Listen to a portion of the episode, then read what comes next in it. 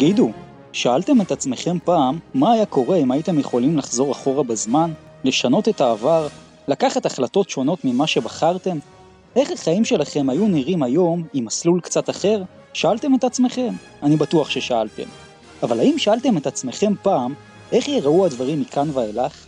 האם טעיתם פעם אם אפשר לנסוע לעתיד ולצפות במה שהולך לקרות? פשוט לצפות, בלי יכולת לשנות את הדברים, אבל רק להסתכל ולהבין מה הולך להתרחש. הייתם רוצים לדעת? אז אנחנו היינו שם. נסענו אל העתיד של עונת 2023-2024, וחזרנו לכאן כדי לספר לכם איך הולכת להיראות העונה הקרובה של הישראליות באירופה. בזמן שאנחנו סוגרים את השנה, ורגע לפני תחילת העונה הקרובה, זה הזמן לפרק מחוץ לקופסה. מדע בדיוני או מידע ראשוני, תחליטו אתם. אנחנו במפה, פרק 53, אנחנו מתחילים.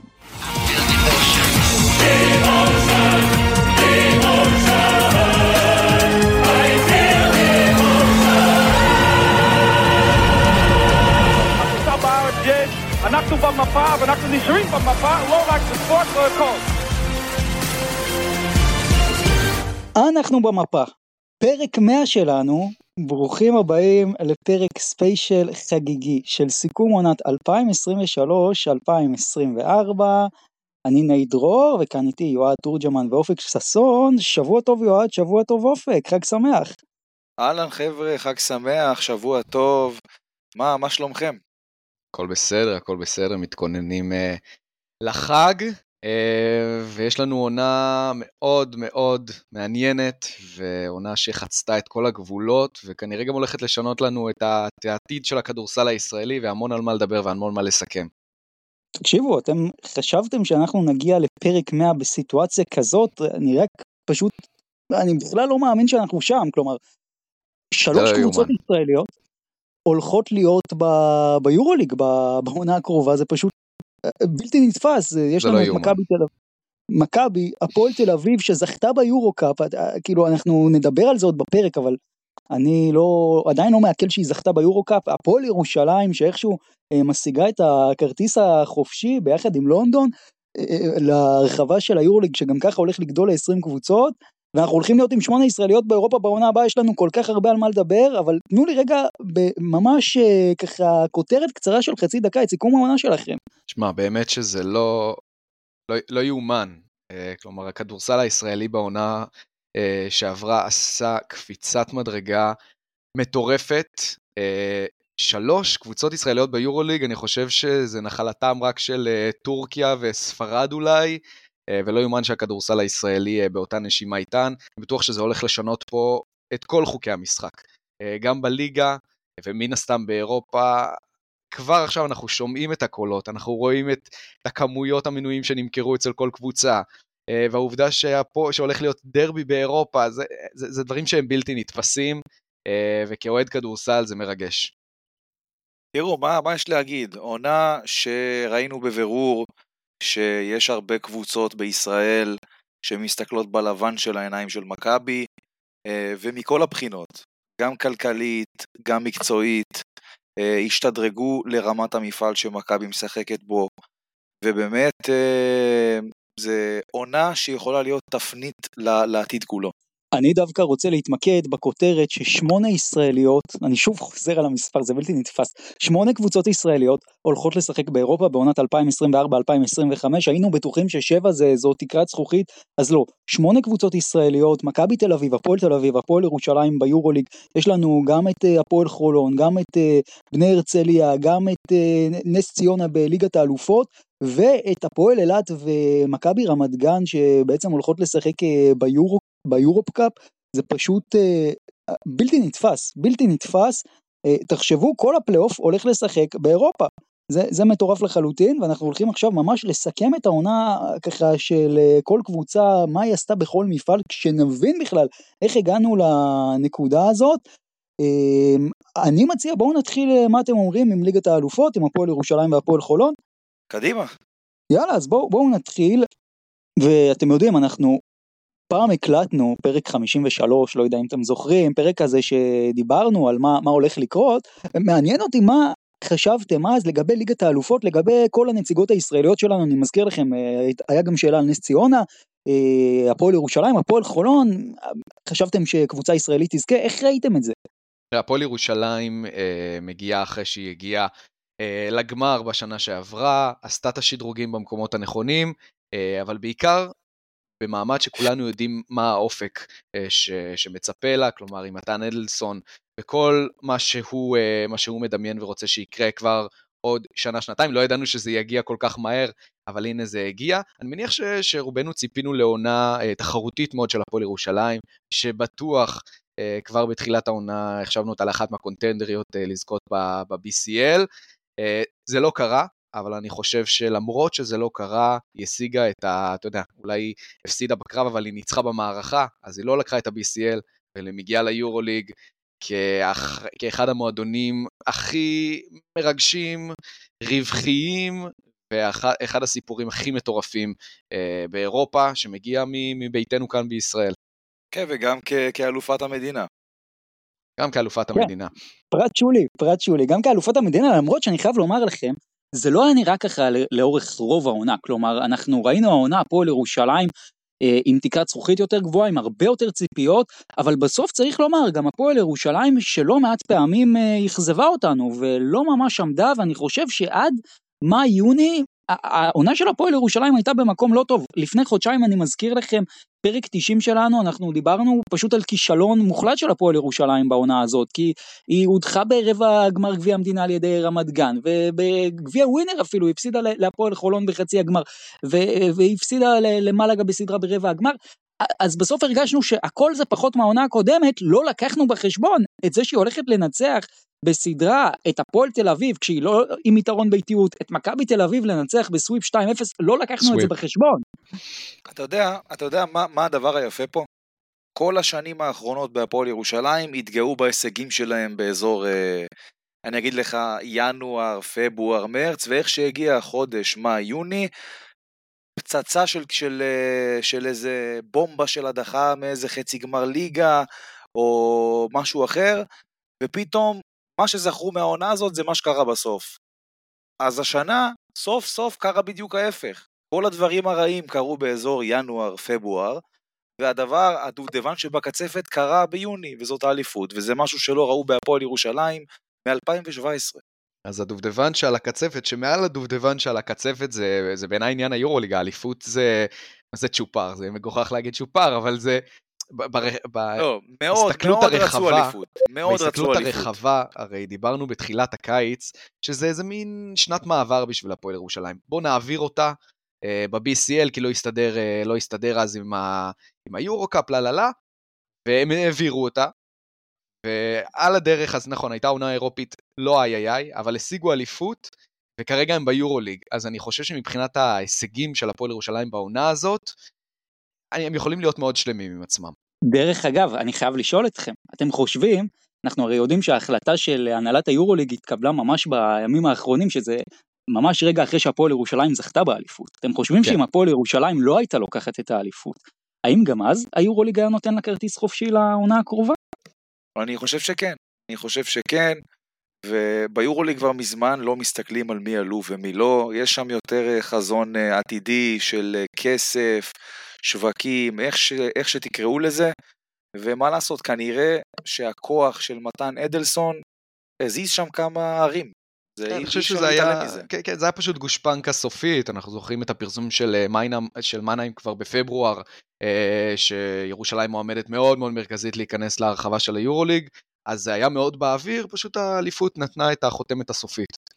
כן, למרות שבואו, לגבי פרסומים, כל חודש פה היה פרסום שפה הפועל ירושלים הולכת ליורו-קאפ, ופה חוזה ארוך טווח עם ה-BCL, ופה אירוח הפיינל 4, בסוף הפועל ירושלים, אני חושב, ניצלה, כי היא לא הגיעה לפיינל 4, אז לא הייתה פה את הדילמה, אבל אני חושב שוב, הפועל ירושלים כל העונה נשארה בטופ בסופו של דבר, ולהישאר בטופ זה חשוב, גם אם אתה, אה, נגיד באירופה לא הצלחת לעשות את ה step-up הנוסף בעונה הזאת, אבל הנה, אה, הישועה מגיעה ממקום לא צפוי, אז היא תהיה ביורוליג בעונה הבאה, בואו רגע באמת ניזכר מה קרה בעונה הזאת אה, בליגת האלופות.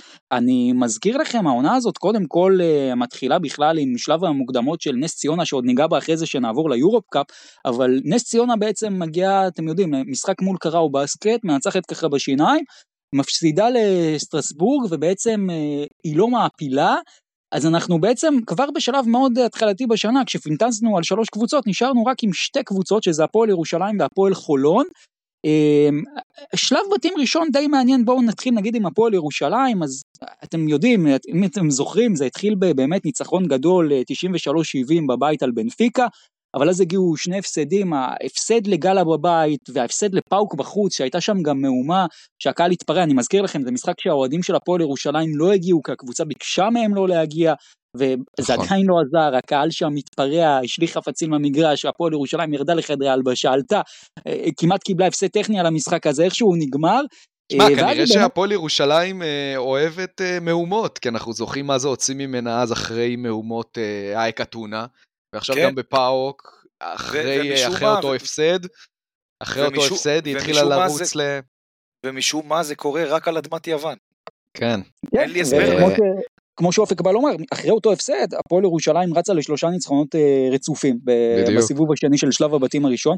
אה, בואו רגע נדבר קצת על הניצחון אה, בגאלה בחוץ, כי אני מזכיר לכם, ירושלים הפסידה לגאלה בעשר בבית, אה, והיא בעצם רצתה לנצח אותה גם ביותר מעשר הפרש, כדי לעלות גם מהמקום הראשון, היא עוד לא ידעה אז שזה מה שיכריע, אבל בסוף אנחנו יודעים, הבית הזה הסתיים כשהפועל ירושלים עם 4-2, גאלה עם 4-2, פאוק 3-3 ובנפיקה עם 5-1, אז אה, בסוף אה, זה, זה היה משחק שנתן להפועל ירושלים את המקום הראשון בבית וזה היה מאוד מאוד אה, משמעותי עם הצגה של למר וקרינגטון ביחד שזה היה נדיר העונה. כן ומה עם ההצגה בצד השני שהיה בה קצת גם ניצוץ מכביסטי העונה לשם שרל מרטין. אנחנו אה, זוכרים, עם כל הכבוד ל-34 נקודות שמרטין כלה במשחק הזה, הקבוצה שלו הפסידה ב-15 הפרש. לא, לא רק 34 נקודות, 6 מ-7 ל-3, ראו שיש שם איזשהו ניצוץ מכביסטי כזה, אתה לא יכול להתעלם מהעניין הזה. זה, זה נכון, אבל בסך הכל, בוא רגע, אנחנו עוד מעט נעבור לחולון, אבל אה, מבחינת הפועל ירושלים, שלב בתים ראשון, היא מסיימת במקום הראשון, אבל כבר אז אני חושב הרגשנו שהעסק אה, גם בליגה ראינו את זה, הוא, הוא, הוא זורם, הוא טוב, אבל... אבל הוא לא יהלום. הוא לא יהלום, או שאולי אני אומר את זה, או שאולי אני אומר את זה אחרת, אולי בניגוד לעונה שעברה, שהפועל ירושלים הייתה בבית באמת בלי חיים, דרושפקה ולוד ויסבורג ובקנבירס, הפעם הרמה קצת עלתה. גם, גם הרמה קצת עלתה. יש את, uh, את מימד הציפיות שיש על הפועל ירושלים. אנחנו יודעים איך היא אהבה להגיע כאנדרדוג, ו- ובעונה האחרונה היא לא הגיעה לאנדרדוג, כאנדרדוג לרוב המפגשים. וכן, גם הרמה עלתה, גלתה סראי זה, זה, זה רמה של קבוצה שלא היה לה בשלב הבתים uh, בשנה שעברה, אבל כן, לקח לדבר הזה זמן להתניע. Uh, עדיין לא ראינו את, ה, את הכדורסל המאוד מלוטש שראינו קצת יותר בהמשך העונה של הפועל ירושלים לפרקים, אה, אז זה התחיל קצת מגמגם, בטח אחרי, אה, אחרי ההדחה מגביע ווינר, שבטח לא אה, שיא ואושר לשחקני הפועל ירושלים, זה קצת הידרדר. בשורה התחתונה היא כן הצליחה להשיג את המקום הראשון, שגם הוביל להגרלה קצת יותר נוחה בשלב הבתים השני, אז בסך הכל חושב שבשלב הזה הפועל ירושלים הייתה, הייתה מרוצה מהתוצאה. גם אם הכדורסל כן. לא היה ברמה הכי גבוהה. זהו, אז uh, בסוף עוד נקודה רק אחת לפני שאנחנו גם נעבור לבית של, של הפועל חולון ומה שהיה שם, לגבי הפועל ירושלים, מה שרציתי לשאול אתכם, זה האם כבר אז הבנתם שהעונה של הפועל ירושלים הולכת להיות יותר קשה, או שבעיניכם זה כאילו היה עוד עניין של שיעוט עד שהקבוצה הזאת זוכה במפעל? אני חושב שאין יום רע בהגנה, וכקבוצה שהטיקט שלה הוא הגנתי, אה, ואני בתור אחד שסומך על אלכסנדר ג'יקיץ', יודע שבמאני טיים, כשהכסף על השולחן, הוא יצליח להביא את הקבוצה שלו אה, לרגע הזה. זה למרות, אתה יודע. אתה מדבר על הגנה, אבל זה למרות שהפועל ירושלים, אני מזכיר לך, ספגה בבית מול גל ה-88 ובחוץ בסלוניקי ספגה גם 90 נקודות, במשחק שאחרי זה היא תרצה, אבל גם ראינו סקורים נכון, קצת... נכון, אבל העקרונות, העקרונות נשמרו, אני מרגיש לי שהסקורים האלה היו בעיקר פקטור של ריכוז, אה, כי ההרגלים קיימים. אחר כך בהמשך העונה ראינו שהם קצת יותר נכנסים לסיסטם, והדבר הזה עובד. אה, אז נכון, בסדר, היה קצת, אה, קצת עניין של חלודה, שחקנים חדשים להכניס לכל המערכת ההגנתית הזאת, אבל בשורה התחתונה הפועל ירושלים, וזה עוד מהעונה שלפני כן אחת הקבוצות הכי טובות אה, באירופה בכל מה שקשור להגנה, אז אני, אני שמחתי על זה בכל יום.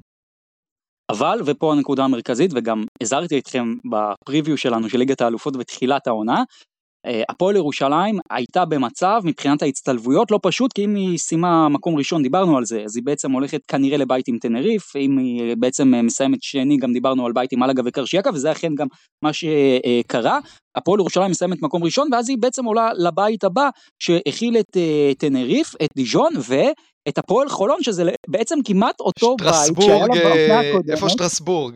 רק חסרה. זהו, תנריף החליפה את שטרסבורג. לפני שנעבור באמת לבית הזה, בואו נדבר על הקבוצה הישראלית השנייה שהגיעה לבית הזה, שזאת הפועל חולון, שהגיעה לשם בדרך קצת פחות טריוויאלית. כלומר, הפועל חולון באמת התחילה את העונה מהמם, היא ניצחה את הפועל ירושלים בחצי גמר גביע ווינר, שזה הדהים את כולם, אבל הפסידה להפועל תל אביב שם בגמר.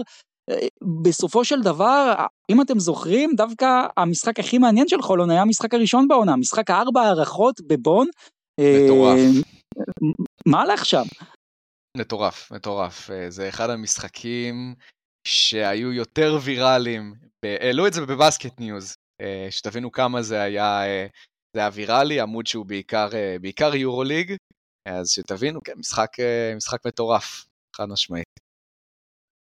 כן, והפועל חולון בעצם בשלב הבתים הראשון, אני מזכיר לכם, היא מנצחת את כל משחקי הבית, מפסידה את כל משחקי החוץ, היא התחילה כבר עם 3-1 שלילי, אה, ככה הייתה ממש אה, על סף אה, אי העפלה בכלל אפילו לשלב ה play-in. מקום אחרון אחרי ארבעה מחזורים, אבל אז ניצחון ביתי אלבון 76-70, וגולת הכותרת, המשחק האחרון מול בורס, בורסה ספור, שלא ידענו בכמה הפרש הפועל חולון צריכה לנצח כדי לעלות, כי כל הבית הזה בסוף נגמר 3-3, וזה הוכרע על הפרשים, הפועל חולון בסוף מסיימת במקום השלישי, אבל אני לא יודע, כי אני זוכר את אנשי הפועל חולון במשחק הזה, מסתכלים באיזה 20 מסכים. אה, יועד, מה, מה, אתה זוכר כאילו מה, מה הלך שם? אה, תשמע, זה היה מטורף, זה תוך כדי המשחק מוציאים מחשבונים, הדבר באמת הכי הזוי שיכול לקרות, אתה תלוי גם במגרשים האחרים, זה קצת מזכיר את uh, מחזורי הסיום בליגות בכדורגל, שכל שנייה קובעת ואתה צריך לדעת כמה התוצאה בצד השני, כי הטבלה קובעת, וזה באמת היה אחד הסיפורים ההזויים של העונה הזאת, והיו לא מעט כאלה. אתה זוכר אבל בית שכולו נגמר 3-3? אני זוכר רק פעם ב-2005, היה איזה בית של פנטינאיקוס. אני לא זוכר את זה. לא זוכר את לא, זה. לא, לא, היה לא... משהו ביורוליג. היה משהו ביורוליג עם פנטינאיקוס שהתחילה 0-3 ואז חזרה ל-3-3, 2006 אני חושב. תשמע, אם, אם אתה זוכר. כל הכבוד, אני באמת, אין לי דבר כזה בזיכרון, זה אחד הדברים הכי הזויים ש, שראיתי. לא, זה, זה מדהים, ועוד יותר מדהים היה שהפועל חולון בעצם אה, ככה עולה שם בשן ועין מהמקום השלישי, היה לה הפרש אה, סלים שלילי, אבל אה, בעצם עדיין יותר טוב משל טלקום בון, שעם קבוצה יחסית, זה גם סיפור אגב, אנחנו לא, לא נגענו בזה מספיק העונה בפרקים שלנו, אבל טלקום בון, זו שזכתה במפעל, בסופו של דבר אמנם עשתה 3-3, אבל בגלל הפרשי סלים גרועים היא בעצם סיימה במקום הרביעי ואפילו לא עלתה לפליין. קבוצה חדשה לגמרי. אה, אני, אני לא מאשים אותם, כן? הם, הם נבנו כמעט מאפס אחרי שהמאמן לקח את כולם לטיול בצרפת. אמ, בסדר, אבל אני עדיין חושב שזה מועדון גדול, שהוא, שהוא בונה את עצמו מחדש, אה, ואנחנו נשמע ממנו, נשמע ממנו הרבה. אני חושב גם שבמועדון די מרוצים כאילו, אתה מסתכל על מה, מה שציפו לעשות בקיץ והציפיות הלא לא כל כך גבוהות, אני חושב ששלב בתים שני זה מעל ומעבר. דרך אגב, אם אנחנו חוזרים למשחק, אה, למשחק של הארבע הערכות, אני, אני, אתם יודעים את דעתי על העבירה הבלתי ספורטיבית ששרקו שם לקייבר, אה, שדי הכריע את המשחק שבין הערכה השנייה לשלישית. מה, לא, לא, איזה, לא יודע מה יהיה עם זה. איזה, איזה, תשמע, זה, זה, זה פשוט כל הדברים קרו במשחק הזה. את השחקנים שם כבר לא, לא נשמו, זה באמת אחד המשחקים המטורפים. דווקא מזכיר לכם, אם כבר אתם מדברים על שופטים, אז גם אני הולך איתכם ל play-in של חולון, שהיא בעצם אה, נפגשה מול אה, אוברדוירו, שזו למעשה הקבוצה אם אתם זוכרים... אלוהים ישמור מה עשו להם שם.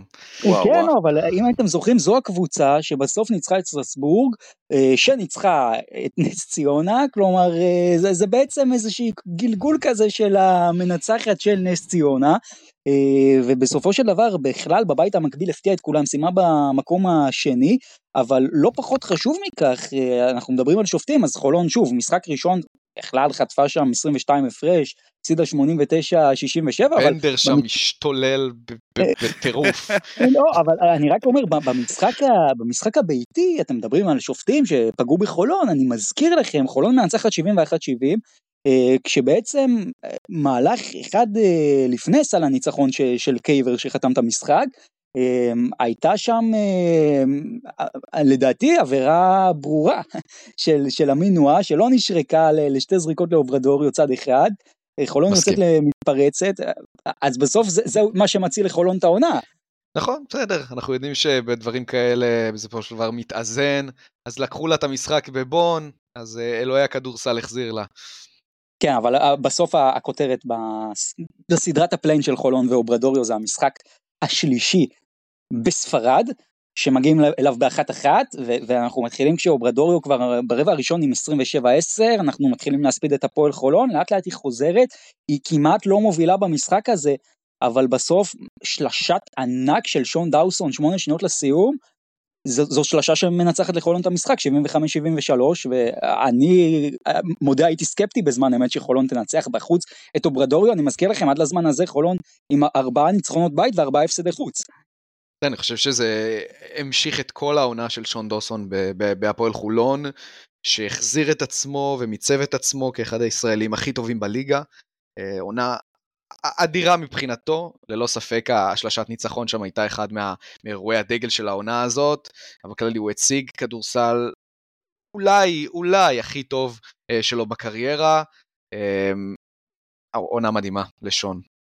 זהו, אז אנחנו בעצם מגיעים עכשיו לשלב הבתים השני, אה, שהוא פשוט, ודיברנו על זה לפני רגע, העתק הדבק כמעט לחלוטין של העונה הקודמת, פשוט תנריף במקום שטרסבורג, אבל אני חייב לומר משהו, גם הפועל ירושלים הייתה יותר טובה, בסופו של דבר על דיז'ון אפשר להתווכח, גם על הפועל חולון, אבל תנריף על שטרסבורג זה שדרוג משמעותי, הבית הזה היה יותר חזק. אתם אגב זוכרים מה חשבתם בזמן אמת, איך אה, הבית הזה ייגמר? האמת שכן, האמת שכן, אני זוכר ששמתי את ירושלים במקום הראשון, אה, ובוא נגיד שלא הייתי רחוק, שמע, השורה התחתונה היא סיימה באותו מאזן כמו תנרי, וזה פשוט הוכרע לראש בראש. אה, חולון, אני זוכר ששמתי אותה מקום שלישי. אה, הוכרע להפרש לא סלים כאילו... כן, כן, הפרש סלים, אבל זה נגמר 12-12, מה היה שם? כן, אבל ב- ב- במחזור האחרון גם היה, אתה יודע, איזשהו תסריט שמשנה... אה, אה, אה, נזכרתי, נזכרתי. כן, היה שם איזשהו תסריט שמשנה באמת את כל התמונה, אז אתה יודע, טכנית לא הייתי רחוק במאזנים, אבל אתה יודע, במיקום זה פשוט לפה ו- ולשם. כן, אז בואו רק נגיד מה היה.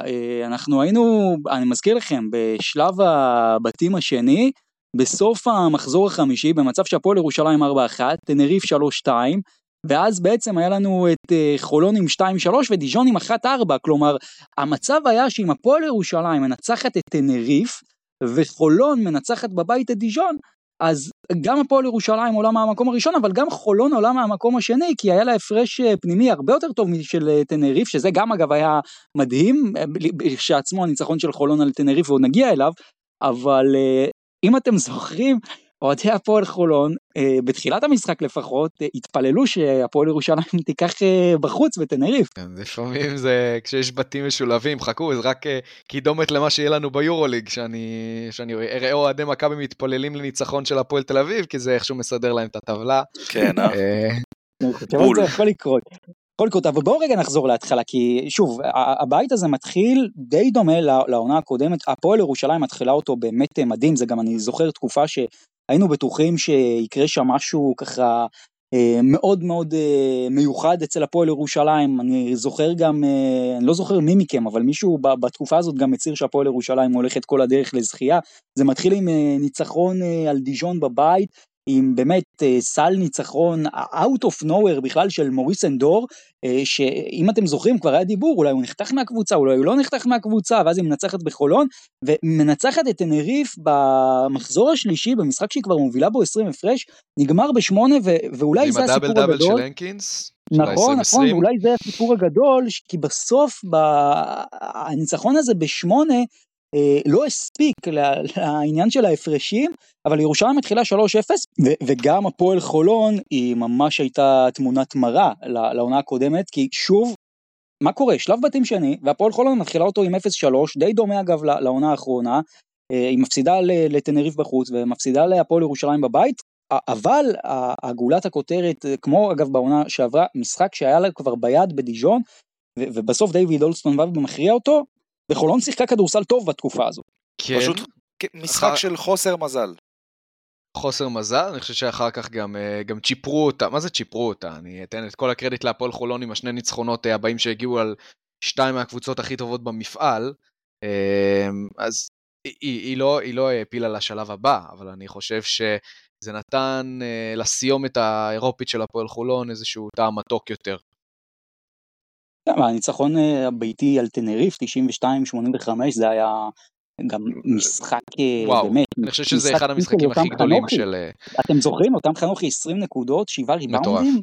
אחד לא המשחקים הכי גדולים של המועדון, אה, בטח באירופה בשנים האחרונות. כן, אבל בסוף שוב, הפועל חולון לא עולה, אני רוצה דווקא לקחת אתכם למחזור סיום של הפועל ירושלים, כי היא מגיעה לטנריף כשהיא יודעת, היא יודעת שהיא גם מותר לה להפסיד בעד שמונה נקודות, אבל המשחק הזה מתחיל לא טוב, תנריף פותחת בבליץ עם 30-15, המשחק כל הזמן ככה נע בין ה-10 ל-15 ל-18, וירושלים מפסידה ב-12 הפרש 83-71.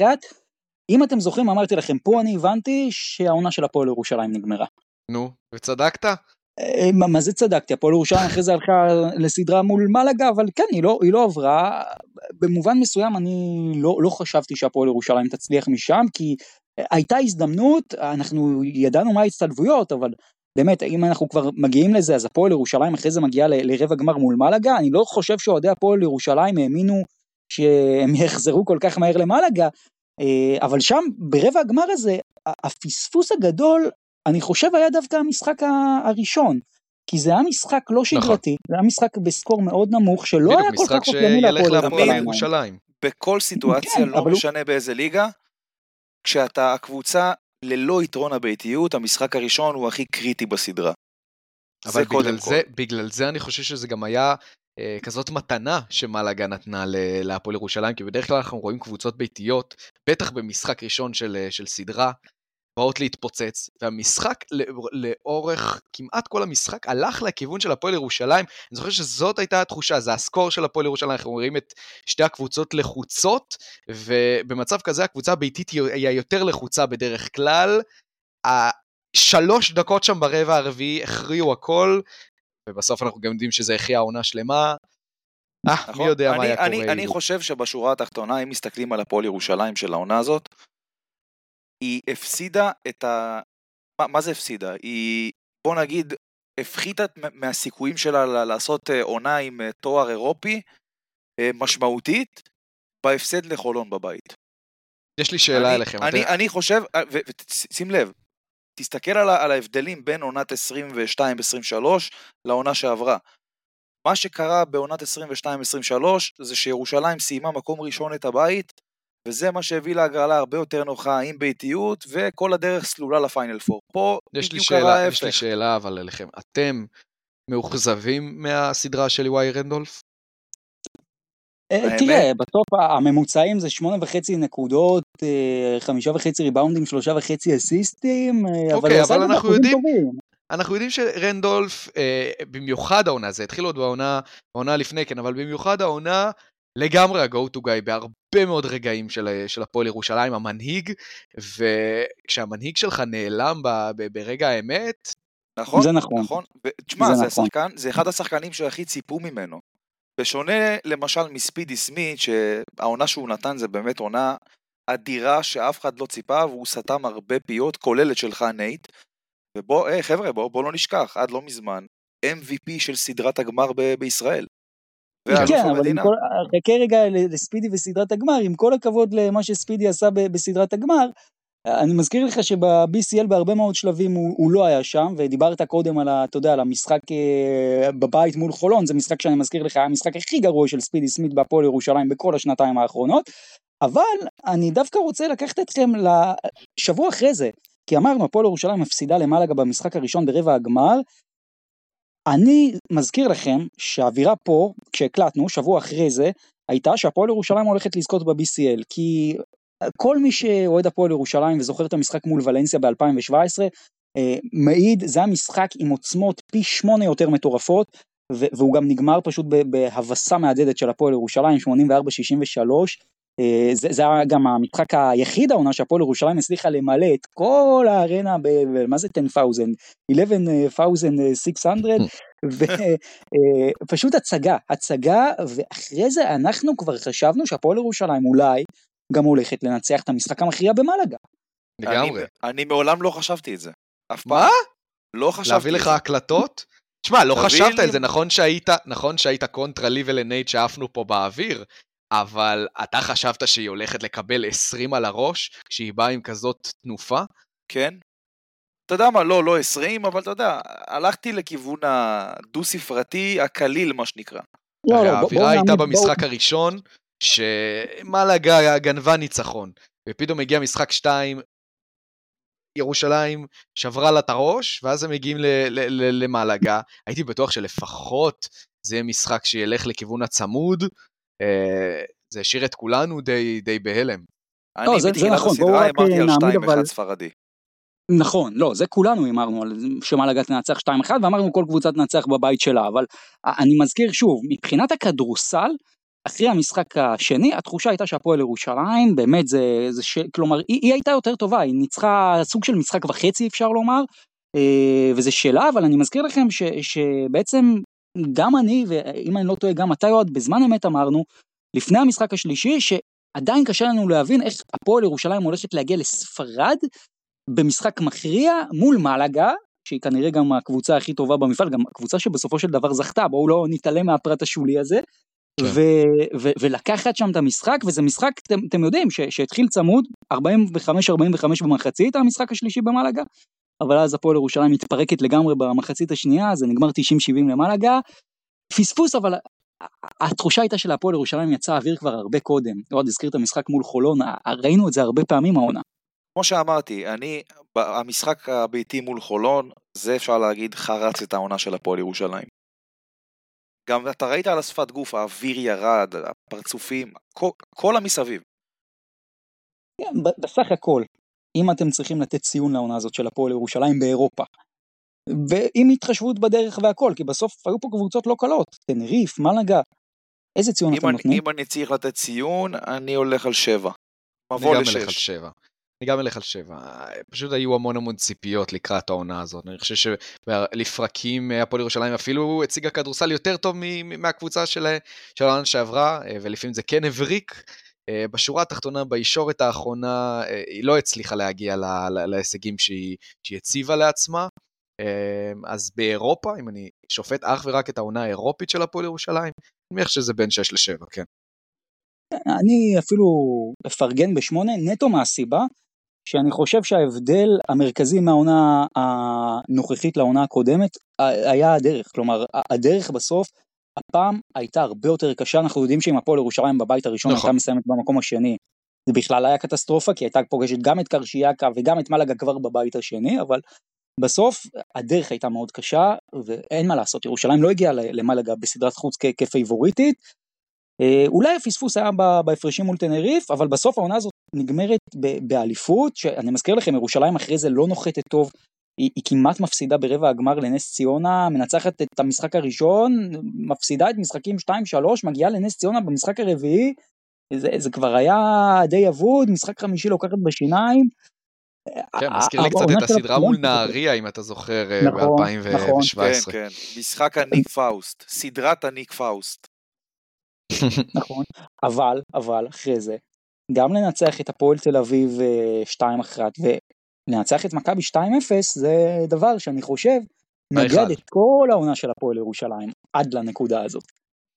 כן, הישורת האחרונה הייתה, הייתה מדהימה בכל מה שקשור לליגה, אה, וזה קצת, אה, קצת הופכי למה שהיה בעונה הראשונה של ג'יקיץ'. בוא נגיד דיברנו שאם... על עונה אירופית מאוד מאוד הישגית וטובה, אבל שב, שביוני כבר הפועל ירושלים הייתה עם הלשון בחוץ ועם הפח נפש קשה אחרי ההדחה בגמר, אז פה קצת היה את האפקט, האפקט ההפוך. כן, תשמע, אתה שאלת על ציון כולל לעונה האירופית של ירושלים.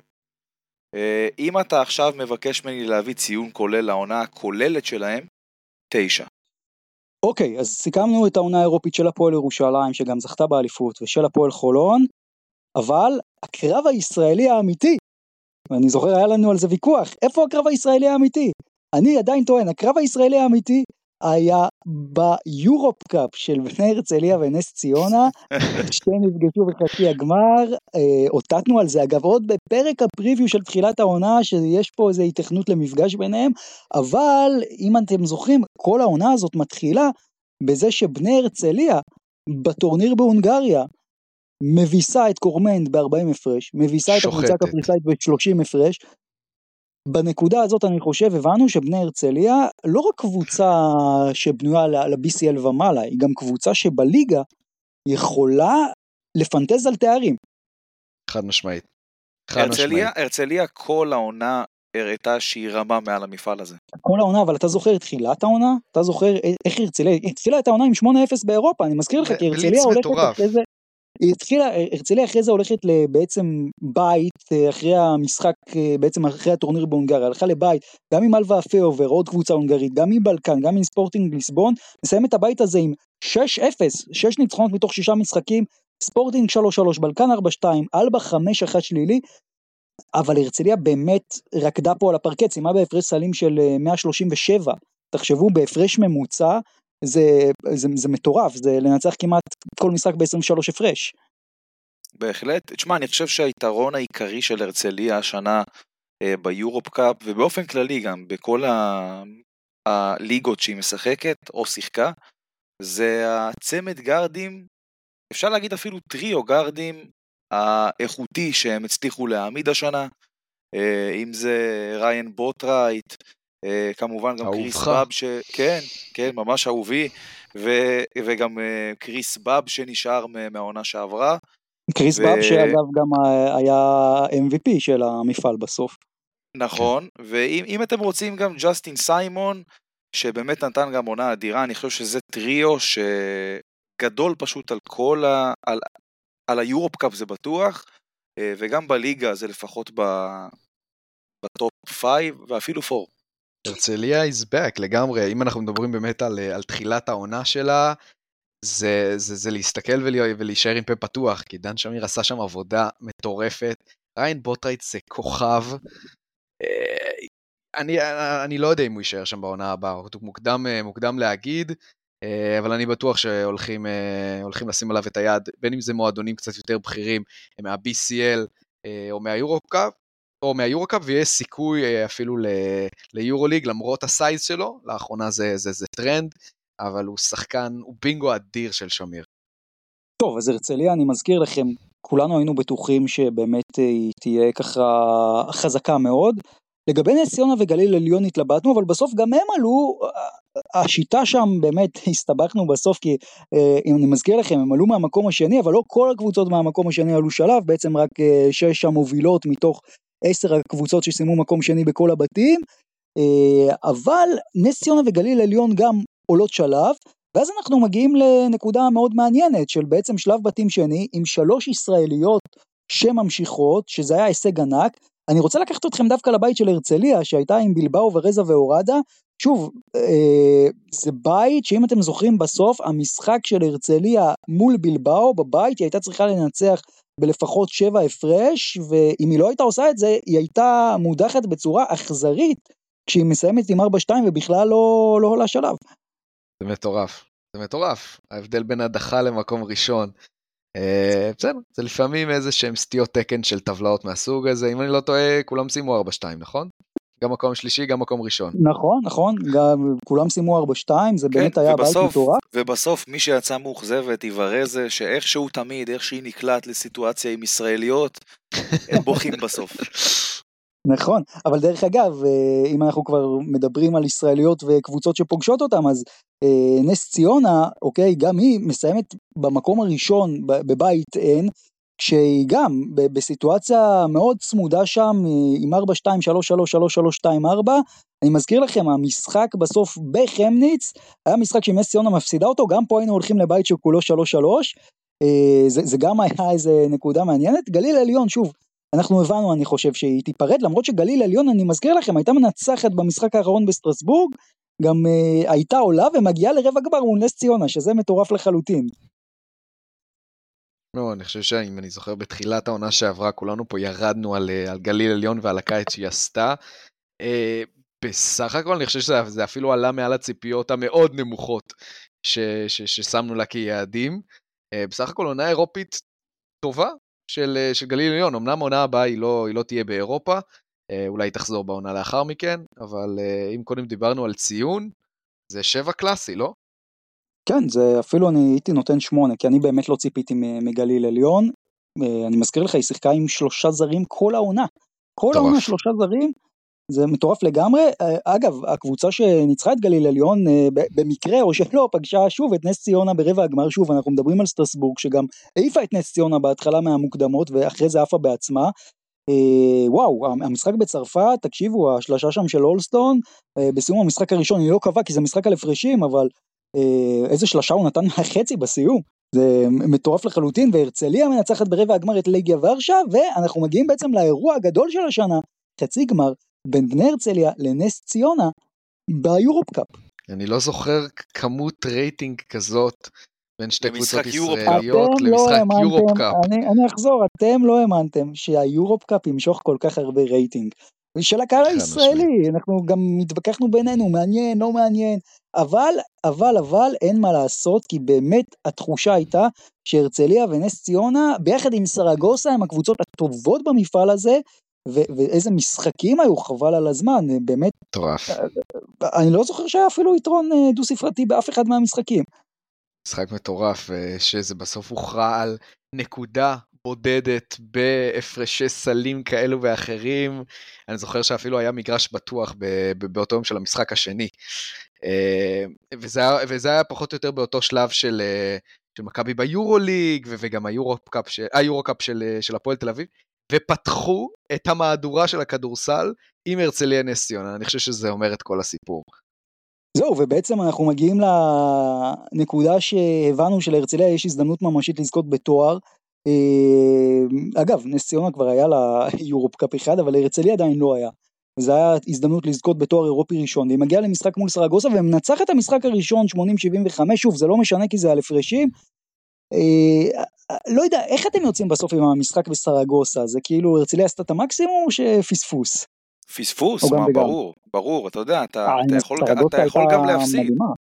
אה, כן, אבל אתה, אתה בא עדיין בתחושה שאתה יכול להפסיד בקטנה, אבל היית, היית, אתה, אתה לא יכול להגיד שלא לא הייתה שם התפרקות מנטלית וגם מקצועית, כן? באמצע הרבע השלישי בליץ של סרגוסה, ואפשר להגיד שהרבע השלישי די גמר את המשחק. המשחק היה די שקול עד הרבע השלישי, וחבל, חבל מבחינתה של הרצליה, שיכלה לה, כאילו, ממש אשכרה לחגוג תואר. אירופ. אני עכשיו אדבר לא ספציפית כי אני אוהד מישראל, ואני אגיד באופן אה, כולל על העניין הזה. די לסדרות של שני משחקים זה בדיחה, זה לא ספורטיבי, ובסופו של דבר אנחנו רוצים שהטובה ביותר תנצח, וזה לא תמיד מה שקורה אה, עם השיטה הזאת, אז לפעמים זה בא לטובת הקבוצות הישראליות, במקרה הזה זה בא, זה בא לרעתה של, אה, של הרצליה. תגידו, הסיפור שהרצליה הביאה 500 אוהדים לסרגוסה, זה בעצם ההישג הגדול של קבוצה ישראלית לקהל חוץ, אנחנו זוכרים עוד הרבה משחקים, אנחנו זוכרים גם את הפועל ירושלים מביאה כמעט 3,000 למלאגה וזה, אבל הרצליה להביא 500 שמע, כל לא- השינוי שהיא עשתה, למלא, לא למלא אבל את אולם היובל, תסכים איתי שאולם היובל היה הכי מלא שהוא היה אפילו יותר מהעונה של, דוסון ונואקו. מה זה מלא, אתה זוכר את פלסטיק על הפרקט, המציאו שם מקומות. אבל זה בדיוק זה, הרצליה עוברת משהו מאוד מאוד טוב גם בעניין התדמית שלה. אם זה דן שמיר וריין בוטרייט שבאמת, אחד הכוכבים היותר מדוברים ו- ואקסקלוסיביים ומגניבים שיש, שיש ביבשת, וכן, זה מושך גם את הקהל, קהל גם שיישאר איתה בתקווה לעונות הבאות, אה, ויש כזה טרנד עכשיו של, אה, של להביא קהל חוץ גדול, אז אה, גם הרצליה ב loop. אם אנחנו מסתכלים אגב על העונה של הרצליה, אז אם תסתכלו, ביורופ קאפ היא הגיעה עד לגמר. בגביע המדינה היא נעצרה בחצי הגמר על ידי רמת גן, ובליגה היא גם נעצרה בחצי הגמר, בעצם מפסידה למכבי תל אביב, אבל הרצליה הגיעה לטופ 4 בכל זירה. חד משמעית, עונה... עונה אדירה, עונה אדירה של בני הרצליה. תשע, אם לא עשר. לא, אני הייתי, הייתי, הייתי נותן 10 אם היא הייתה זוכה ביורופ. בדיוק, זה מה שרציתי להגיד. זה בסופו של דבר עדיין אה, עונה שהסתיימה ללא תואר, אבל אם אנחנו נשפוט רק על פי הדרך ולא על פי התוצאה, 10. 10 מ-10.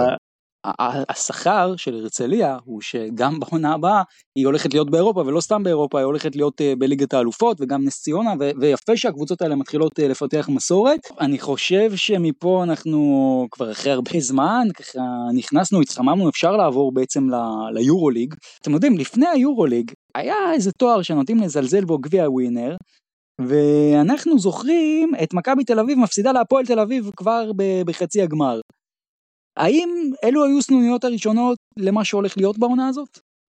לא מסכים, לא מסכים. אני, אני חושב, ואני גם תמיד אמרתי את זה, מבחינתי, גביע ווינר זה לא תואר. גביע ווינר זה טורניר הכנה שמחלקים בו גוש גביע בסיומו למנצחת.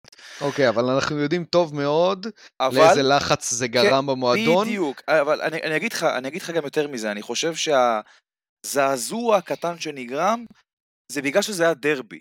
אתה מבין? אם זה, אם זה היה הפסד ל, ליריבה אחרת, הסיפור פה היה משתנה. יכול להיות, יכול להיות. אני חושב שלמרות הזכייה באליפות בעונה לפני כן, קטש עדיין הגיע לעונה הזאת, אה, לא בשיא הביטחון, ולא עם הגב המלא מההנהלה, וכל הפסד שנערם, הגביר את הלחץ, הגביר את החבל שהתהדק לו על הצוואר, אה, וזה התחיל, ב, התחיל בהפועל תל אביב, בהפסד להפועל תל אביב בווינר. טוב, והעונה הזאת מתחילה כשמכבי עם 4-2 שלילי, אה, ואז בעצם, אם אתם זוכרים, אנחנו מגיעים לנקודה דווקא במשחק ליגה, ששינתה את הכל, וזה הדרבי, שמכבי פשוט התפוצצה על הפועל תל אביב, ומשם היא יוצאת גם חמישה ניצחונות רצופים ביורוליג. כבר, אה, כבר נדבר גם על הפועל תל אביב, אני מניח, אה, אבל זה היה ממש מומנטומים הפוכים של שתי הקבוצות, והפועל תל אביב הגיעה מאוד מאוד גאוותנית, ו- ואפשר להגיד אפילו פייבוריטית על מכבי. אה, בהיכל, שתבינו כמה, כמה זה מטורף להגיד את הדברים האלה, וזה אחת ההצגות הגדולות שאני זוכר. עכשיו בדיעבד אנחנו גם יכולים להגיד שזה לגמרי שינה את העונה לשתי הקבוצות, אה, אבל כן, זה נקודת מפנה מטורפת. כן, ואם אתם זוכרים, עד הדרבי מכבי הייתה 4-2 שלילי ביורוליג, אבל משם מכבי יוצאת לשישה ניצחונות ברציפות, ביירן מינכן, אולימפיאקוס בבית, פנרבכצ'ה בחוץ, ברצלונה וברלין בבית וילרבן בחוץ, זה היה מה שנקרא, אנחנו אומרים נובמבר השחור, אז נובמבר הזהוב של מכבי תל אביב, שגם uh, הייתה במאזן uh, ככה 8-4 ביורוליג אחרי 12 מחזורים, אה, זה לא הכין אותנו למה שעמד לקרות אחרי זה, כלומר, בתקופה הזאת עודד קטש היה מלך העולם. כן, תשמע, זה היה חתיכת רצף ניצחונות, אבל תראה, בכל שנה במכבי, ובאופן כללי, כל שנה אצל כל קבוצת יורוליג, יש את הרצף הזה. גם בעונות הכי גרועות של מכבי, אני יכול להצביע לך על איזשהו רצף ניצחונות אה, מהסרטים.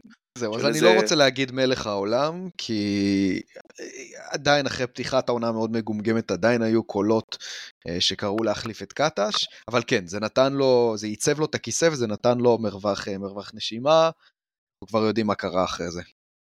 רגע, מחזור 12, מכבי 8-4 חיובי הייתה מקום שלישי, כלומר, אה, אני לא יודע אם מלך העולם או לא, אבל תקשיבו, דיברנו אז על מכבי אחרת מאיך שדיברנו עליה כולה שבועיים אחרי זה. כי בעצם מה שקורה אחרי זה, זה שמכבי תל אביב מפסידה בבולוניה, מפסידה לאנדולו בבית, מפסידה לבסקוניה בבית, מפסידה לכוכב האדום בבית, ואני חושב המשחק באמת שהקדיש את הסאה זה להפסיד לז'לגיריס שהייתה אז במקום האחרון, להפסיד לה בחוץ. אה, מפה כולנו יודעים מה קרה. אני אבל, חושב, אבל זה... זה היה סוג של כדור שלג כזה. הפסד אחרי הפסד אחרי הפסד, בסוף קצת הרוחות גם נהיות uh, פחות להוטות, חדר ההלבשה שקט, uh, השחקנים כבר מאבדים אמון בקטש, וזה מה שקורה כשנקלעים לסיטואציה כזאת. של הפסדים. תראה, בגלל זה, בגלל זה מראש אמרתי שגם כשמכבי הייתה ב-8-4, התחושה לא הייתה שקטש אה, על גג העולם. כי מאמן שהוא על גג העולם והכיסא שלו יציב מאין כמותו, לא מפוטר אחרי אה, רצף של אה, חמישה, אה, חמישה הפסדים. אז עוד אז היו הקולות, והחמישה הפסדים הרצופים מן הסתם מאוד מאוד הניעו את המהלך של, של, של פיטורי קטש, אבל, אבל זה היה שם, זה היה שם גם כשמכבי ניצחה. קודם כל הקולות האלה היו גם בעונה שעברה, אם אתם זוכרים נכון, לאורך כל נכון. העונה. נכון, נכון. זה משהו שמלווה את כל הקדנציה הזאת של קטש. שם חזק מאוד, אבל, אבל, ופה אני חייב לומר, וגם התייחסתי לזה בזמן אמת, אה, זה פשוט אה, ביזיון לדעתי שמכבי תל אביב אה, קיבלה את ההחלטה הזאת, כי בסוף, שוב, גם בעונה שעברה אם אני לא טועה, מכבי תל אביב סוף סיבוב ראשון הייתה 9-8 שלילי או חיובי, לא, לא כזה משנה, מכבי הייתה יחסית בסדר, אז אוקיי, הפסידה חמישה משחקים ברציפות, אבל גם קודם היא ניצחה שישה משחקים ברציפות, זה היורוליג, זה הפורמט, אז לפעמים מפסידים הרבה, לפעמים מנצחים הרבה. אה, אני לא אממ, חושב נכון. שתוך שבועיים וחצי הכל מתפרק, מצטער, אבל זה לא אלטרנטיבות, חושב. זה אלטרנטיבות, נייט, וכשעומד מאמן כמו אנדריאה טרינקיירי, טרינקיירי על המדף, אה, זה עוד יותר מניע את המהלך, כי אני בטוח שאם שוק המאמנים היה שומם כמו מדבר, אז לא בטוח שהיו ממהרים לפטר את קטש למרות האכזבה ממנו, אבל אנחנו יודעים כמה, ב, כמה מקבלי ההחלטות במכבי תל אביב אוהבים טרינקיירי, וכשהוא על המדף ושהמעמד של קטש אה, לא בשיאו, זאת התוצאה. מה, אבל נדבר אה, שוב על, ה, שוב על הטיימינג, כי אני מזכיר לכם, קטש לא מפוטר מיד אחרי ההפסד בקובנה, הוא מפוטר ממש אה, בסילבסטר, ככה עוד בלילה, דיברנו על זה שמכבי תל אביב, במקום להתנשק בחצות עם קטש, התנשקה עם טרינקיירי. אה, אנחנו שוב נדבר על הטיימינג, או שנעזוב את הטיימינג, כי זה לא הדבר העיקרי פה. אני מניח שזה סמנטי. זה לא הדבר העיקרי, אבל אפשר להגיד שאת חנוכה הוא שרד.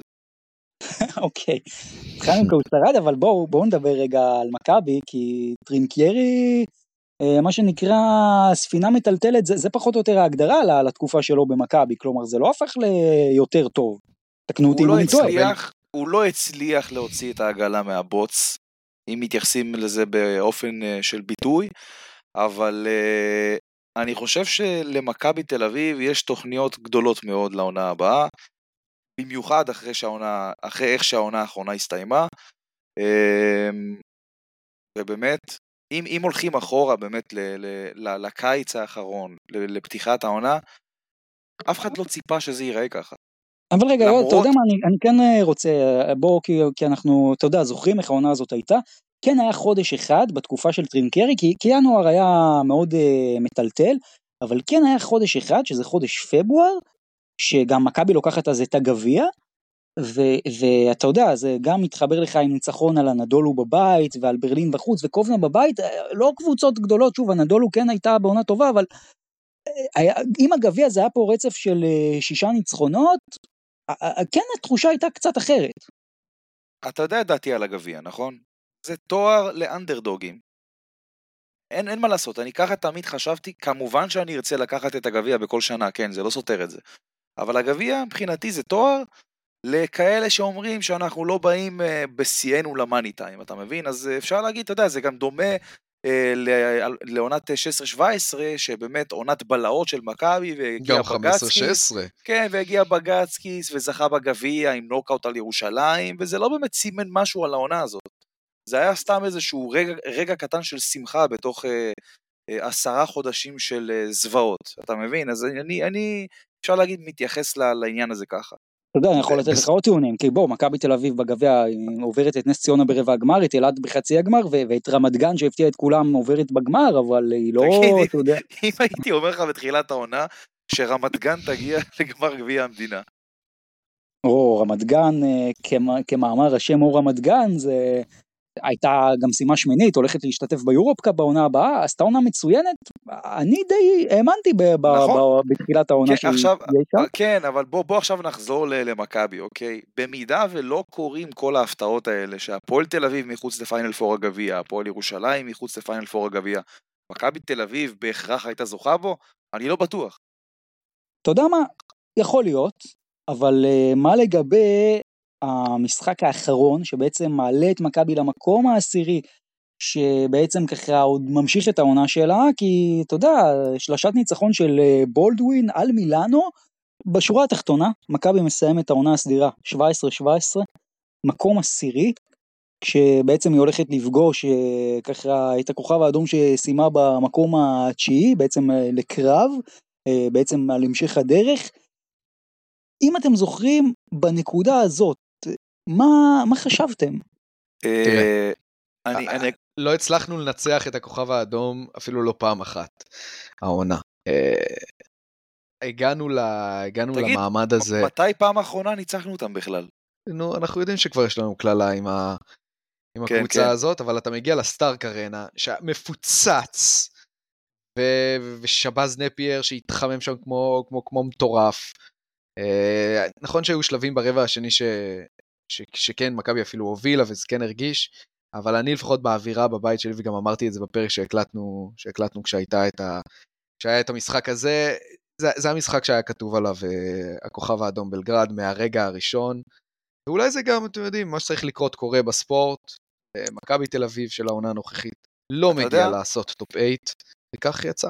אתה יודע מה, מה מצחיק פה שהזכרת את הכוכב האדום ואת ההתפוצצות של נפייר ברבע השלישי שם, שהוא זה שהיה אחראי כביכול לבריחה של הכוכב האדום. ואתה מתעלם מנמניה נדוביץ', שהבן אדם הזה נולד בשביל לתפור את מכבי, ובאותו משחק עלה גם 32 נקודות. בסדר. בשלב הזה כל, כל מטאטא ירה, אני באיזשהו שלב הנמכתי את הווליום, כי אי אפשר היה לי יותר לשמוע את ה... סרבנה זווזדה עולה, אה, סרבנה זווזדה עולה.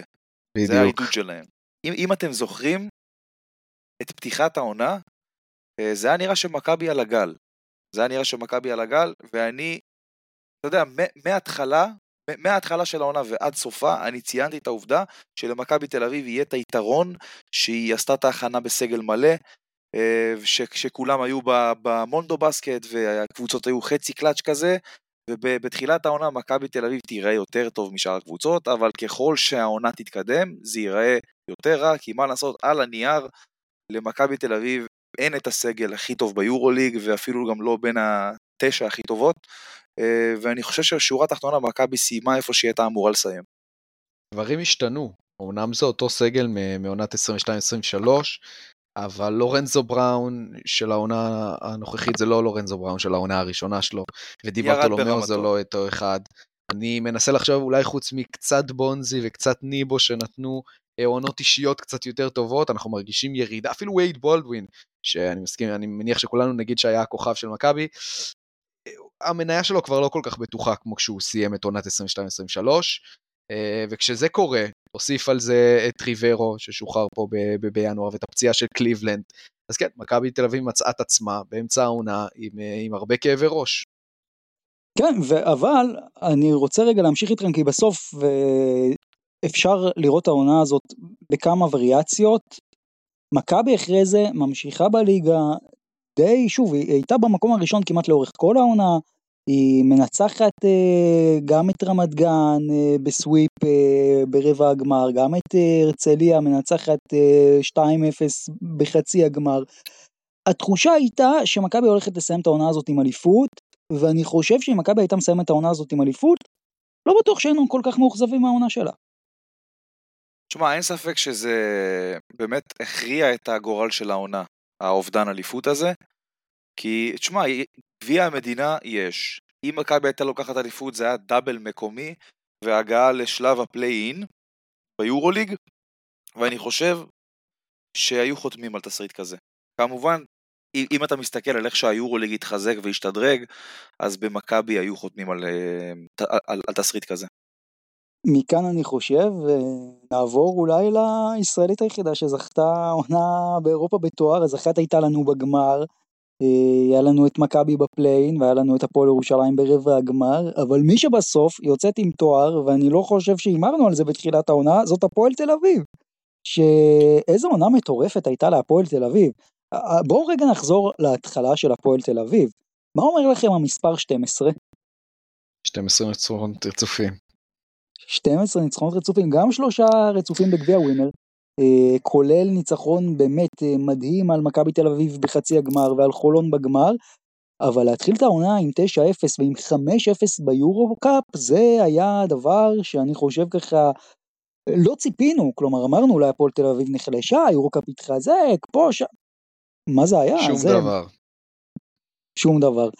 ו- ואז אנחנו מגיעים לדרבי, שאם אתם זוכרים הליין בווינר ודיברנו על זה גם בקטע של מכבי היה ליין לטובת הפועל תל אביב שזה באמת הזיה מוחלטת.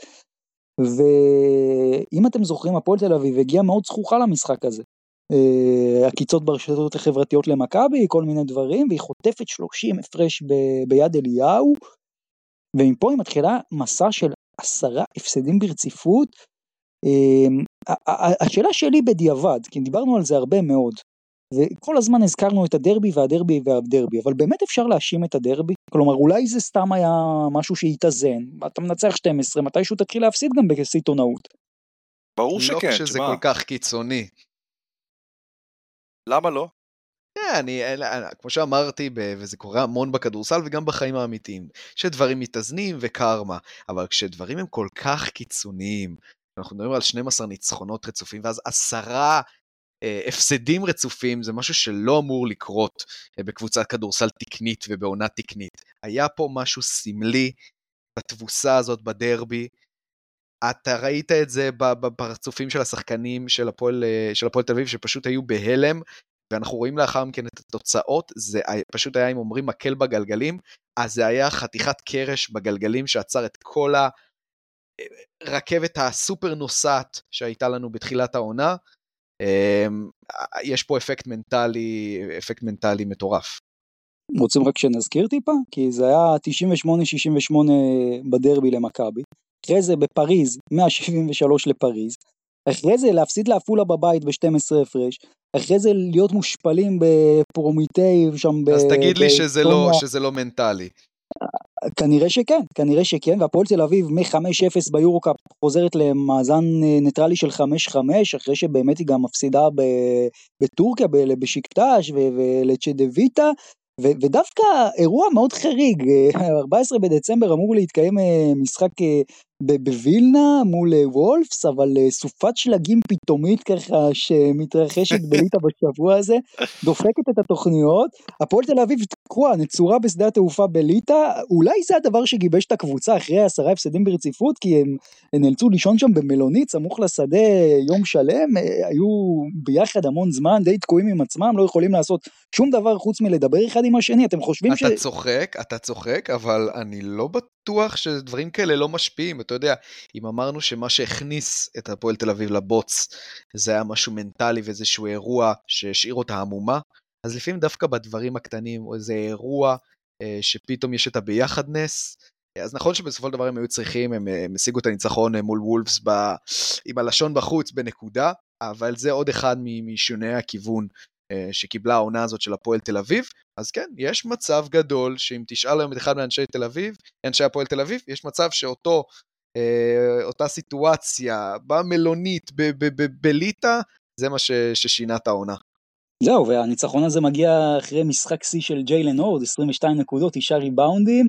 אה, זה בעצם, שוב, ג'יילן הורד בכמה פעמים העונה היה ככה הגיבור המוצלל של הפועל תל אביב, אה, אבל אני רוצה קצת לקפוץ איתכם קדימה לעוד שלושה מחזורים, בעצם הפועל תל אביב מגיעה למשחק בלונדון, שהיא כבר מבינה ויודעת שאם היא רוצה להתחיל אה, ככה לדבר על עליית שלב בטח ממקום גבוה היא חייבת לנצח אותו, היא כבר שוב, כמו בעונה שעברה, בפיגור 20 הפרש, וקאמבק הירואי שנחתם בשלשה של ג'קובן בסוף, וניצחון ממש בשיניים. האם פה הבנתם שהפועל תל אביב הולכת אה, לעונה גדולה או שעדיין ככה פיקפקתם? זה בעיקר ברמת ה... אתה יודע, האופי. כי לנצח את לונדון בנקודה, בשני מפגשים, זה, זה אומר עליך, זה אומר עליך הרבה. אה, והפועל תל אביב גם בסוף העונה הוכיחה לנו שיש להם חתיכת אופי, ואולי הם היו צריכים לעבור את כל הטלטלות האלה כדי, אה, כדי להראות לנו מי הם באמת. אני חושב, שב... אני חושב שבעונת 22-23, כולם חשבו שלהפועל תל אביב יש סיכוי יותר טוב לזכות מאשר בעונה שעברה. בגלל החלפת השיטה, בגלל, אתה יודע, סוג של ריבילד שהם עשו, ובאמת אף אחד לא ציפה את זה, שהפועל תל אביב תסיים את העונה הזאת עם תואר יורו-קאפ. זה באמת אחד הסיפורים האדירים שהיו. למרות שאם אתם זוכרים, בקיץ, לפני תשעה חודשים, דיברנו על זה, שהשינוי של הפועל תל אביב הוא כנראה יהיה שינוי דווקא יותר בפרמטרים של אופי ובפרמטרים של להגיע למאני טיים ולקחת משחקים גדולים ואם אתם זוכרים אה, ככה מחזור 17 שהפועל תל אביב מגיעה לבדלונה והיא מתחילה את המשחק הזה בפיגור של 30 הפרש 48-18 ולאט לאט חוזרת נוגסת בהפרש לא האמנו לא האמנו אבל בסוף לנצח את המשחק הזה בנקודה שזה אני לא זוכר קאמבק באירופה מ-30 הפרש בטח לא בעידן המודרני זה אני חושב הפיל לכולנו את האסימונים. תקנו אותי אם אני טועה. זה גם השינוי, זה גם השינוי מה, מהעונה לפני כן. אה, אם דיברנו על האופי של השחקנים, אני לא בטוח שהפועל תל אביב עם ג'ורדן מקרייביץ' שלנו או נואקו, הייתה יכולה להראות כזה אופי, לעבור כאלה טלטלות ולצאת מזה, מזה בגבורה. אני חושב שבאופן כללי, מה שחתם את השינוי בהפועל תל אביב, ובאמת שדרג אותם מקצועית בהרבה, זה בריין אנגולה. זה בריין אנגולה על המשבצת של מקריי, וראינו לאורך כל העונה הזאת את הגיוון שהיה להפועל תל אביב בקו האחורי, את מספר האופציות הבלתי נגמר, ומבחינתי זאת החתמת העונה של הפועל תל אביב, בריין אנגולה. אז אתה בעצם אומר לי שלבריין אנגולה יש לב גדול? יש לו לב זהב. אם אתה מבין, כן. הבנת את הבדיחה. יש לו לב זהב וגם לב בריא. זה מה שהכי חשוב. בסוף הפועל תל אביב מסיימת במקום השלישי בבית, כמו בעונה שעברה, אבל הפעם רק עם 11-7, לא 13-5. אה, ומפה מתחילים אה, דברים מאוד מעניינים. אה, שמינית גמר, משחק אחד, אני מזכיר לכם, מול אולם, ודיברנו הרבה על אולם בעונה הזאת, כשגם, אתם יודעים, ככה הסתכלנו עליה בבית המקביל, היה שלב מסוים שהיא הייתה במקום הראשון, ואז היא הפסידה חמישה משחקים ברציפות. זה היה משחק ענק של הפועל תל אביב, נגמר רק חמש הפרש, אבל זה, הרבה אוהדי הפועל תל אביב טוענים שזה היה המשחק הכי גדול שהיה בדרייבין בשנים האחרונות. בעיקר ברמת האווירה, אה, הייתה אווירה מטורפת שם, אה, והוא גם יריבה, יריבה ראויה, למרות שהיא עשתה אה, שינוי מאוד מאוד גדול בסגל השחקנים שלה בקיץ. אבל כן, היה כדורסל, ללקק את האצבעות משתי הקבוצות דרך אגב. זהו, ומפה בעצם הפועל תל אביב אה, זוכה בעצם בכרטיס לרבע הגמר, אבל פה גם אה, רוב האנשים חשבו שזה נגמר, גם הרבה מאוד אוהדי הפועל תל אביב, כי כשאתה פוגש את טורק טלקום שמסיימת ככה בבית המקביל במקום השני, אה, וטורק טלקום בעונה מצוינת, ואני מזכיר לכם, טורק טלקום העונה הגיעה עד לגמר בטורקיה, אז בסופו של דבר הרבה אנשים ככה אמרו, אוקיי, פה הפועל תל אביב תיעצר כמו בבדלונה, והפועל תל אביב מתחילה את המשחק הזה קצת אה, מדושדש. אה, ג'יילן אדמס בטלקום עם הופעת ענק עם 30 אה, נקודות ועשרה אסיסטים, אבל שוב, דיברתם על הלב הענק של אנגולה, הלב. וזה אני אשאיר לכם. הלב, הלב הענק של, של בריאן אנגולה, איזה שלשה עינה לעולם. שלשה של שחקן money time. זה היה כאילו step back, עם יד על הפנים, הכל, זה היה כתוב לפי הספר, זה מהלך שאתה רוצה לראות אותו ב slow motion, כי זה poetry in motion.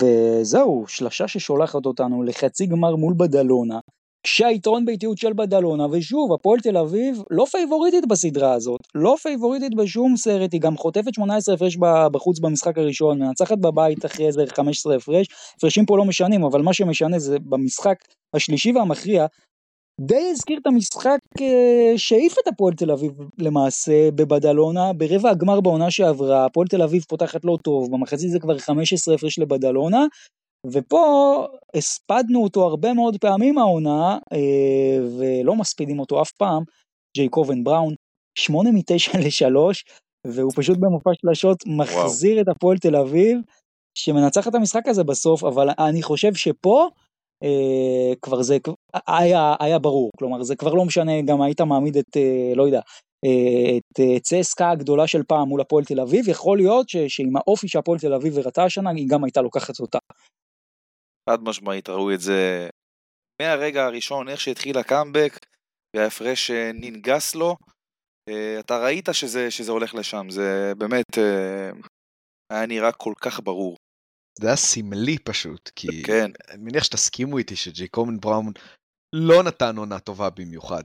כאילו, הקבוצה שלו רצה מדהים, אבל כשהוא הופך ל, ל, ל, ל, לא לכינור ראשון ואפילו לא שני, אבל דווקא במשחק הזה, פתאום יצא ממנו הג'קובן ראונד של הפריים, אה, וזה היה סמלי, אחר כך גם, גם בסוף העונה הוא היה פחות, אה, פחות מרכזי, אבל אה, זה משחק לזכור. מהשושלת של ג'ייקובן. ג'ייקובן, אני לא יודע אם הוא לא נתן עונה גדולה, כי הוא פשוט הלך אחורה. כי, כי אנגולה היה כל כך טוב, ומנפורד בכלל היה עוד יותר טוב מהעונה שעברה. אז uh, הוא, הוא, אבל הוא היה שם, ברגעים המכריעים. הוא עדיין, הוא עדיין שחקן מאוד מרכזי בהפועל תל אביב, פשוט אה, יש כדור אחד, והעונה יצא מצב שהכדור הזה הלך להרבה שחקנים האחרים, וזה גם מה שהפך את הפועל תל אביב לקבוצה כל כך טובה. אה, אז ג'קובן בראון לגמרי עשה את זה בדרך שלו, ועדיין אפילו העלה את ממוצע האסיסטים שלו אה, מעונה לפני כן, אבל כן, הוא פשוט היה בתפקיד יותר שולי ממה שהתרגלנו לראות אותו.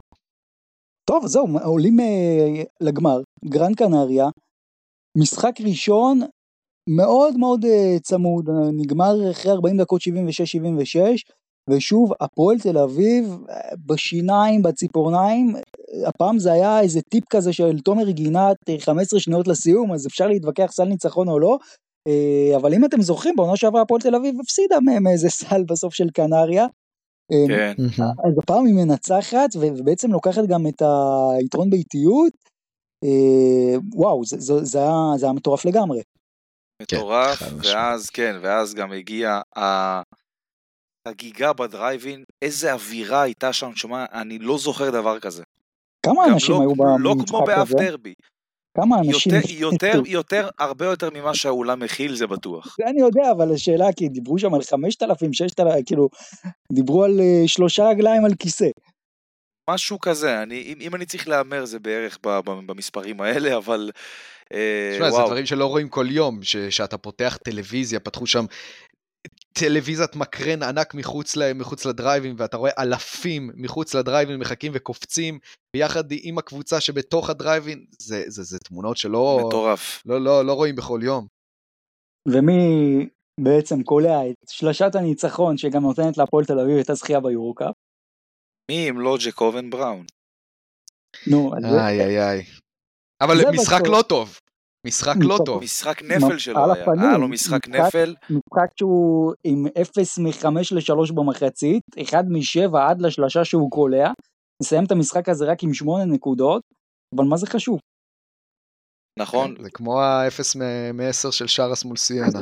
כן, העיקר, כן, רק ששם לא, לא חילקו תואר בסוף. לא, לא חילקו. לא, והפועל תל אביב זוכה ביורוקאפ, וזה בעצם מה שנותן לה את הכרטיס ליורוליג לעונה הבאה. מה שקרה אחרי זה עם הפועל תל אביב, אנחנו מיותר כאילו להגיד, נכון? כאילו, שוב, זה, זה, הייתה גם תחושה שהפועל תל אביב אולי תיקח אליפות, כן? כי בסוף כשאתה מגיע בהייפ כזה לסדרה, גם בחצי הגמר מול הפועל ירושלים, אה, היית צריך לקחת את זה, אבל אה, טוב, הפועל תל אביב באמת הייתה ברקיע השביעי, אז אה, לא נדבר על סיום העונה, אני כן רוצה אבל לשאול אתכם ככה לסיכום העונה הזאת של הישראליות באירופה. תנו לי משפט אחד שמסכם את העונה. הכדורסל הישראלי נמצא בשיאו, והוא עוד לא הגיע לסף תקרת הזכוכית שלו. אנחנו בדרך לשינוי כל מה שהתרגלנו אליו ב-70 שנה האחרונות, התרגלנו לדומיננטיות מוחלטת של מכבי תל אביב, גם בליגה, וגם כנציגה היחידה בליגה הבכירה ביותר באירופה. והדבר הזה משתנה, יהיו לו השלכות אדירות ביום-יום, ברמת פיתוח השחקנים, בזרקור שיהיה על הכדורסל הישראלי, וזה הולך לשנות את כל חוקי המשחק, בתקווה שזה גם ישפיע לטובה על נבחרת ישראל, ואתם עדים ל- ל- להיסטוריה. היסטוריה, ורגע לפני שאנחנו סוגרים את הפרק, ממש ידיעה שמגיעה זה עתה, אה, זק לידי חותם במכבי תל אביב לעונה הקרובה, אחרי שניסו וואלה. כל כך הרבה שנים להביא אותו, זה ככה טעם של עוד לקראת עונת המלפפונים שאנחנו מתחילים עכשיו, אבל הנה, ידיעה ראשונה שככה מגיעה אלינו, זק לידי. אה, מכבי תל אביב 2024-2025, מילה אחת שלכם לגבי זה, ממש טרי מהרגע. החלום שמתגשם אפשר להגיד. לא, הייתה לו עונה אבל פחות טובה מהעונה הראשונה שלו בפרטיזן. ועדיין, ועדיין זה החלום שמתגשם.